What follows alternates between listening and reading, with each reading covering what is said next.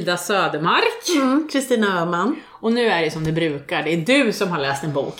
Ja, men och jag tänkte lite som inspiration för eh, våra poddavsnitt så letade jag lite grann och det här är en bok som jag har återkommer till då och då. Och jätteintressant eh, på många sätt och den heter Neurole Neuroledarskap och är skrivet av Katarina Gospic och Stefan Falk. Eh, effektivt ledarskap byggt på hjärnforskning och beprövade metoder. Mm. Den här är ett par år gammal men eh, den är jätt, fortfarande otroligt aktuell och, och Du hade ju hört henne föreläsa till och med. Ja, men jag har haft förmånen att själv ha det på, eh, arrangera en föreläsning för HR eller på, på en tidigare arbetsplats. Så det var väldigt, väldigt intressant eh, att hon beskriver om sin forskning och gav oss också lite konkreta exempel på eh, och eh, slutsatser som mycket naturligtvis hämtat från hennes forskning som finns i boken här. Vi har ju varit inne och pratat lite om det där med hjärnan och hur den fungerar mm. när vi nämnde Anders Hansen som säkert många har. Mm. Han är kanske lite mer så att säga populärvetenskaplig. Han har väl nått ut kanske lite mer till den breda massan med program, med mm. tv-program det blir ju ofta så när man är på på eh, TV. Men du, och det var lite kul för att du eh, kom att tänka på en grej från förra avsnittet när jag hade varit i den här situationen där det var en kollega under en eh, intervju på min eh, en, en av mina tidigare arbetsplatser som sa en väldigt eh, sexistisk kommentar till mig och jag som eh, ung i branschen och ung i åren eh, visste väl inte riktigt hur jag skulle hantera det där eller, eller ens hände det här mig. Och jag hade en chef som eh, inte vågade riktigt ta tag i det här utan han blev väl, eh, fick väl, ja, som du beskrev det, ett flyktbeteende mm. som ju då Ja, berätta. Ja, men, nej, men, och, och, tanken är ju helt klart kopplad till eh, att eh, det som Katarina och Stefan här också ändå lyfter fram i boken är ju att vi eh, gärna vill ta de enklaste vägarna eller eh, vill, eh, inte gillar obehag. Eh, och det skulle ju kunna vara en av förklaringarna till den här personens beteende. Att när man upp, hamnar i den här situationen så är det hjärnan som tar över egentligen. In, eh, inte, jag vill absolut inte säga att det är okej okay att göra det så att vi förstår varandra helt nu. Men det kan ju också vara en, en klar, med, att vi behöver öka medvetenheten när den här personen eller den här personen hörde er det här samtalet. Han hörde det inte men jag berättade om situationen. Okay, ja. Men det blev ju väldigt obehagligt ja. för honom och den obehagssituationen sitter ju i hjärnan. Ja. Han ville säkert Reaktionen. hjälpa mig, absolut. Men han, men han, han eh, tog till ett flyktbeteende och hoppades på att vi skulle bara säga förlåt till varandra. Eller ja, den här andra personen skulle säga förlåt till mig och sen var allting bra. Mm. Och han till och med ställde ju en, vad ska man säga, en sån här, eh, när man ställer en fråga eh, som egentligen inte är en retorisk fråga till mig. Mm. Och att, ja men nu är ni väl sams. Mm. Och så hoppades han på ett ja eller ingenting alls och att allting var mm. bra. Men han behövde ju verkligen träna på jobbet, alltså träna på att våga ta tag i saker trots att hjärnan skriker Nej! Ja, precis. Och, och de är ju inne på det verkligen att det här är ju en, en, en viktig sak när, man, när du och jag känner obehag för olika situationer. Så kan det ju då, då behöver vi tänka på att det kanske inte är eh, att det är hjärnan som eh, spelar oss lite spratt.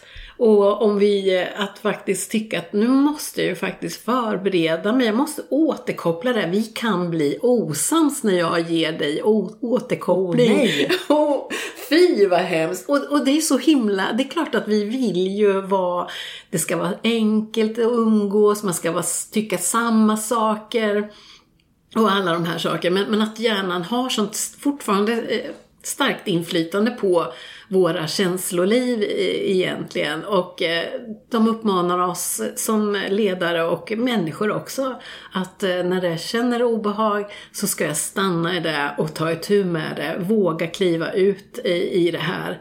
Men och det betyder ju inte att du inte du kan förbereda det förstås, behöver inte reagera på studs. Men, men det är väl det det handlar om som du säger, att förbereda sig för att hantera. Alltså att, eh, att ja, men, träna på de här situationerna och, kanske, och när man tränar på dem så ser man väl också till att de inte ska uppstå lika mycket. Eller, eller konflikterna kanske uppstår men det blir inte lika jobbigt att ta, ta tag i dem för att man har tränat på hur man kan formulera sig, hur man kan hantera dem, hur hjärnan reagerar, hur jag känner inombords och så vidare.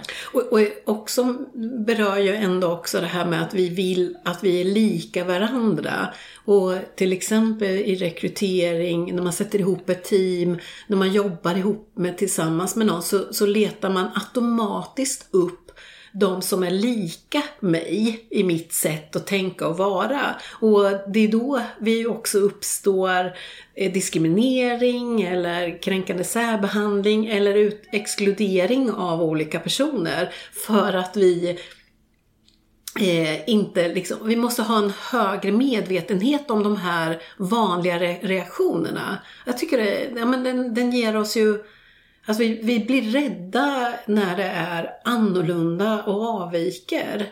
Eh, alltså utifrån en ja, arbetsplats det är ju också. Här, eh, beteende som har funnits genom eh, ja, sen ja. the very beginning. Ja, och det är ju där vi pratar ju om. Hjärnan har ju mm. egentligen inte i grunden utvecklats särskilt jättemycket. Och det är ju också mycket hela. Anders Hansen äh, pra, pratar ju mycket om det med Am Amygdala liksom ja, har sina äh, reaktioner mm. som ligger långt tillbaks i livet eller i, i utvecklingen av mänskligheten. Så igen, och, och det som, är så, som vi vill ta upp i det här programmet mm. det är ju att det, alltså varför ska vi liksom lura hjärnan? Det finns egentligen, om man, det är ju en så bra sammanfattning här, mm. att det finns ju, alltså det finns ju en strategi här, uppunktad, färdig och klar, mm. hur man faktiskt skapar de bästa för prestationsförutsättningarna mm. för arbete. Mm. Så varför ska vi lura våra hjärna när det här är så himla, himla enkelt. Så vi tänkte att vi ska ta och eh, gå igenom mm. de, här, eh, de här sätten sätten som man faktiskt vetenskapligt jobbar bäst på, eller hur hjärnan, ja, så som hjärnan. forskat på ja, men forskat, det. Mm. det har forskats fram. Så att, eh,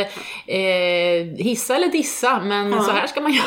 Så här ska man göra. Och jag, verkar... Sen kan vi lägga ner det här. Ja, men precis. Nej, men, och jag tänker ändå att de, det leder fram till de här eh, exempel, eller hur man kan göra det här praktiskt.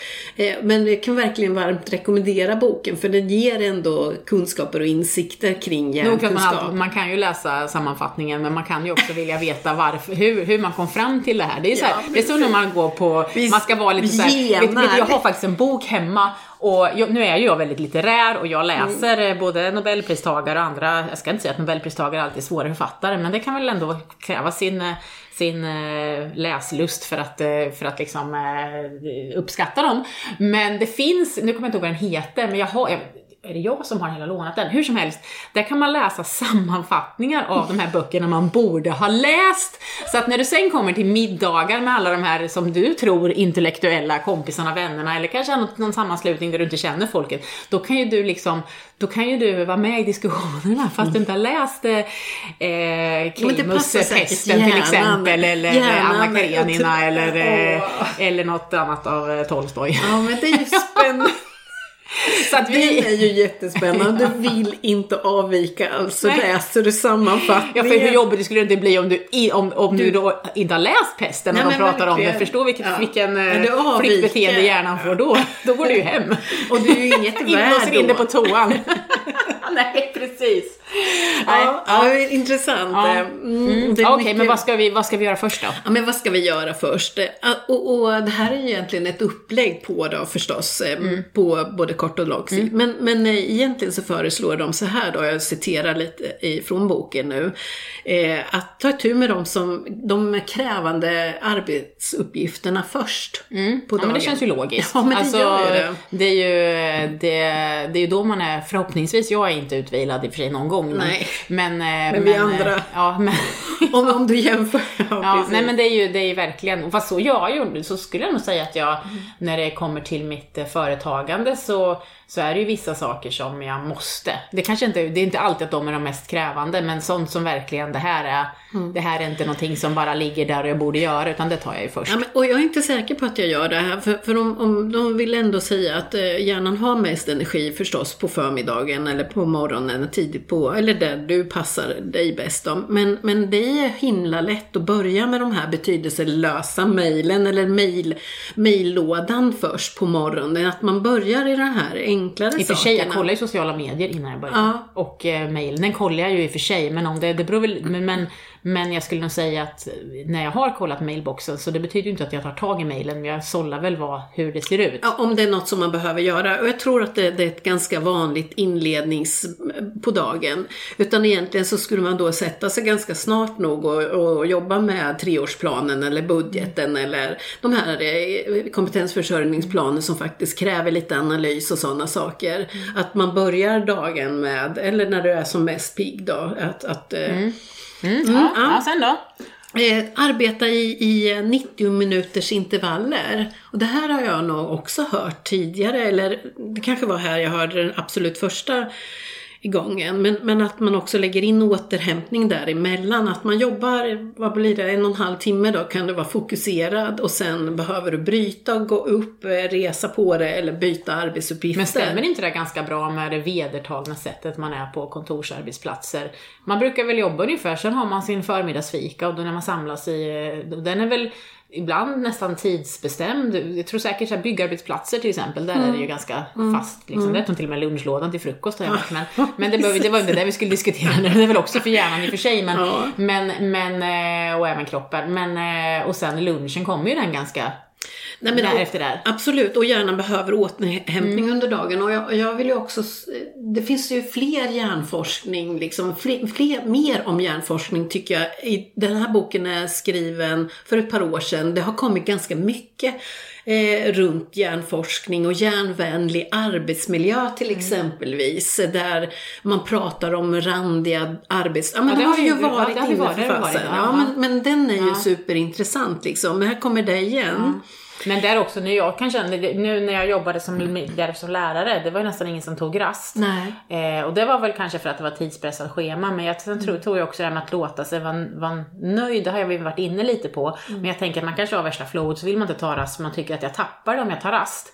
Fast tar man rast, det behöver ju inte handla om att ta rast en halvtimme, det kan handla om att ta rast fem minuter och då kanske inte sitta med datorn eller scrolla i medierna, då gör ju att man får ju ny energi till att ha samma flow. Man behåller kanske inte flow, man kan inte behålla flow. Nej men jag tänker, vi har ju... Det felet gör man ju jätte, Ja. gör nog jättemånga. på den arbetsplats jag finns nu, eller tidigare också, så finns det så här pausprogram som dyker, Ja, en just grupp det, som just dyker det. upp. Det. Mm. Och egentligen så är det kanske precis, det ska stå inne på eh, 90 minuter då. Ja. Och om inte annat så ska du inte trycka bort den för du behöver den där Ja, pausen exakt, så väl. Exakt, exakt. Mm. Ja, sen så har vi ju något Ja, men annat. krävande arbetsuppgifter menar de kräver tystnad. Eh, och det kan man kanske tycka att det är enkelt. Eh, men också att uppmaningen att våga stänga av internet, mobiltelefonen. Eh, kanske, alltså det finns ju de som säger att man jobbar bra under musik. Men, Ja, jag tänkte just den grejen, men det, men det är väl kanske, tystnaden behöver väl inte, det är väl inte, det är väl mer att man inte har, eh, som du säger, stänga av pop-up-grejer. Mm, ja, ja, och, och kanske mer uppmanar egentligen att nej, men det kommer att påverka hjärnans... eh, Att, Även musiken? Ja, absolut. Och, eh, Jag vill inte ha musik. Nej, inte jag heller. Jag är, ja, absolut Jag tycker inte. också det är konstigt i skolan det där med att vissa barn ska sitta med musik. Jag vet inte, jag ska inte säga någonting för jag har inte forskning på det här men, men- jag har väl känt mig ganska skeptisk. Ja, det tror jag också. Eh, Och här, här tänker de ju också att, att att låta det vara tyst kan ändå ge alltså ro för hjärnan. För hur den är så kommer... eh, Det blir ett ju- brus. Ja, men det blir ett, brus. Eh, Och att man egentligen tränar på att inte ha ständig stim- stimulering då. Tycker jag är faktiskt intressant Så får man väl ha om man sitter i, kon- i såna här eh, kontorslandskap. Det finns ju såna här hörlurar med, där man tar bort ljudet. Ja, absolut. Det kan ju vara en bra grej. För det är ju, det, där är det ju svårt om man inte har det kommer ju ändå in ljud. Alltså ljud är ju svårt att stänga av det som händer men man, sitter, man kan ju inte påverka om man jobbar på ett jobb där det är kontorslandskap. Det kanske inte finns att man kan sitta Jo, men det brukar rum. ju finnas. eh, Jo men jag säger det, ja, men hörlurar ja, men du kanske inte kan kräva ett eget rum. Då måste Eh, man hitta nej, andra men lösningar. ja, ja, på arbetsplatser där det finns eh, tysta eller tystzon. Om man nu har Mm, gått så, över aha. till sådana arbetsplatser där det här är inte prat, här är vi Mm. tysta. Även om vi sitter och delar rum så är det noll, Aha. noll, alltså ljud finns ju men det handlar ju om prat och, och annat eh, kanske då. Så finns det avgränsat Mm. Utan okej. att alltid ha Aha. eget rum. Mm, absolut, så det har man nog tänkt på. Eh, ta en paus eller byt aktivitet när du fastnat på en uppgift för länge. Och ibland kan du verkligen köra fast att en formulering eller att man ska lösa ett problem och man bara kör fast liksom. Men, men ta en paus. Då kanske vi som ändå som gillar lite rörelse då, förutom den här lilla pausgubben, kanske ska ta en promenad. Eller göra något helt annat. Men det känns, jag tycker att det där, eh, man hör, eh, jag tar ju alltid mina samtal i telefon, kan även vara på Teams och sådär, så väljer jag bort bilden när jag är ute och springer. Jag blir nästan Mm. stressad över att inte kunna ta dem på löpande fot, för jag tänker att det är Nej men det, så, så planerar jag verkligen. Men, eh, men det, är inte, jag hör mer och mer att folk gör ju faktiskt så. Kanske inte springer men går. Och, Eller i bilen. Och det har ingenting med eh, lathet att göra utan att vila och nya Mm. aktiviteter ger tvärtom det som hjärnan behöver för Mm. att faktiskt lösa problemet. Eh, Och vi vet ju säkert både du och jag att vi har löst en del problem precis när vi har sovit och vaknar upp där Ja på precis, och nu när jag säger ta ett samtal, det blir ju nästan kanske, det kanske motsäger det här för man ska, den här pausen ska väl vara Mm. utan att man jobbar. Ja, nej, men gå ut och göra någonting. Eller göra någonting annat i alla fall. Kanske åtminstone resa sig från datorn. eh, Ja, jag Mm. man, kan inte. väl ha, man kan väl ha en paus då man gör de här eh, Hämta kopp eh, kaffe. Ja, eller jag tänker också man kan väl kolla de här mejlen eller eh, Absolut. Eller, eh, sånt som det blir en paus från den krävande uppgiften. kan väl också vara en Ja, paus. a- absolut. Så. Se till att äta. Träna och sova bra. Den är ju superviktig. Ja, den... eh, Eh, Lätt i teorin, svårt i praktiken Ja. och vi vet ju dina situation också eh, så med sova. Ja, men vi har sova. väl, jag tror att i tidigare program har vi pratat om att man, hur man kan få in Mm. det på ett naturligt sätt i sin vardag med logistiska och praktiska lösningar. Eh, och, och, och, och om, I det här fokuset när vi pratar om prestationsförutsättningar så är det ju utifrån att verkligen vara på den optimala att verkligen ge de allra bästa förutsättningar så är de här tre sakerna väldigt, väldigt viktiga. Ja, de, äta, sova, träna, ja precis. Ja. den punkten ja, precis. Eh, mm, Så har vi en sista då som sätter kronan på verket. Ja, men precis. Eh, Slarva inte med längre ledigheter som semester. Återigen behöver inte betrakta, det, det är inte något, eh, och jag tänker att vi har ju också då får man väl ändå säga att vi har en lagstiftning som jag som är, jobbar med arbetsrätten ändå, att semesterlagstiftning finns ju där som ett skyddsverktyg och eh, lagstiftning för att vi, och, och möjlighet eller rättighet att ta ut semester och ledighet. Eh, Jag vet inte hur vi gör som egna företagare om vi liksom ger varandra många sem- eh, fyra veckors semester, 28 dagar. Det blir lite eg- annorlunda att vara egen företagare. Att man kanske, men det, å andra sidan ser det kanske helt annorlunda ut med, med lediga dagar och eh, eh, men det kanske en längre ledighet, vad skulle det kunna vara? Vi, vi tänker ju att eh, i, i semesterlagstiftningen är det fyra veckor eller 28 dagar kanske eh, Eller 25 dagar minst. eh, Många länder i Asien har väl eh, börjat få två veckor istället Ja, för en precis. nästan. Så att det är ju... Men, men det är klart en längre avkoppling. Jag, jag skulle inte säga att det finns något bestämt ändå. Nej, men man måste ju ändå ha, det måste ju vara, det kan inte, dels tror jag det är viktigt att ha en sammanhängande.